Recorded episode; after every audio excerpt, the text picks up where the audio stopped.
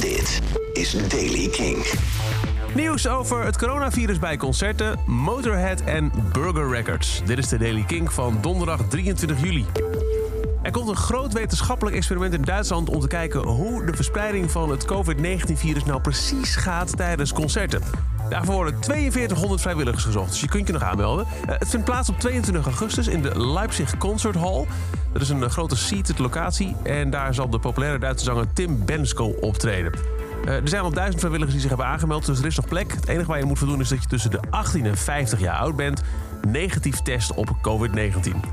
Als het concert eh, begint, dan krijg je een, eh, een device mee die elke 5 seconden gegevens verzendt naar de onderzoekers. Eh, dan kun je zien hoe dicht je op andere bezoekers staat en waar je in de, ehm, eh, de concerthal bent en zo. En je krijgt ook flessen fluoriserend desinfectiemiddel mee, zodat je kunt zien wat er nou ja, allemaal aangeraakt wordt, wat gevaarlijke oppervlaktes worden.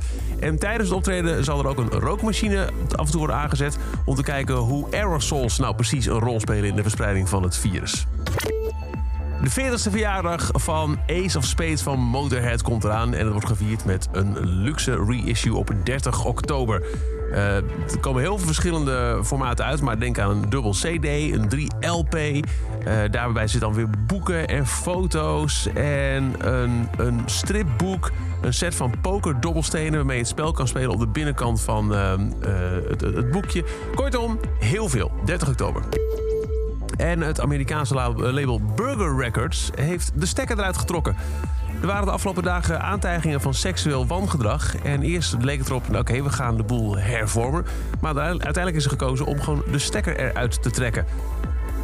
Er werden onder andere leden van The Growlers, The Frieds, Cosmonauts en de Birdetones aangehaald in de aanklachten. Die gingen over een cultuur van pedofilie en tienerfetish, volgens de aanklagers.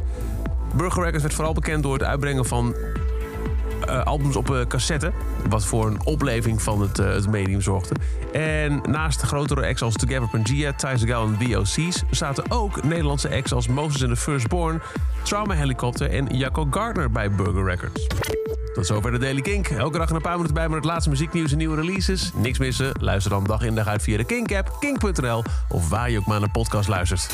Elke dag het laatste muzieknieuws en de belangrijkste releases in de Daily King. Check hem op kink.nl of vraag om Daily King aan je smart speaker.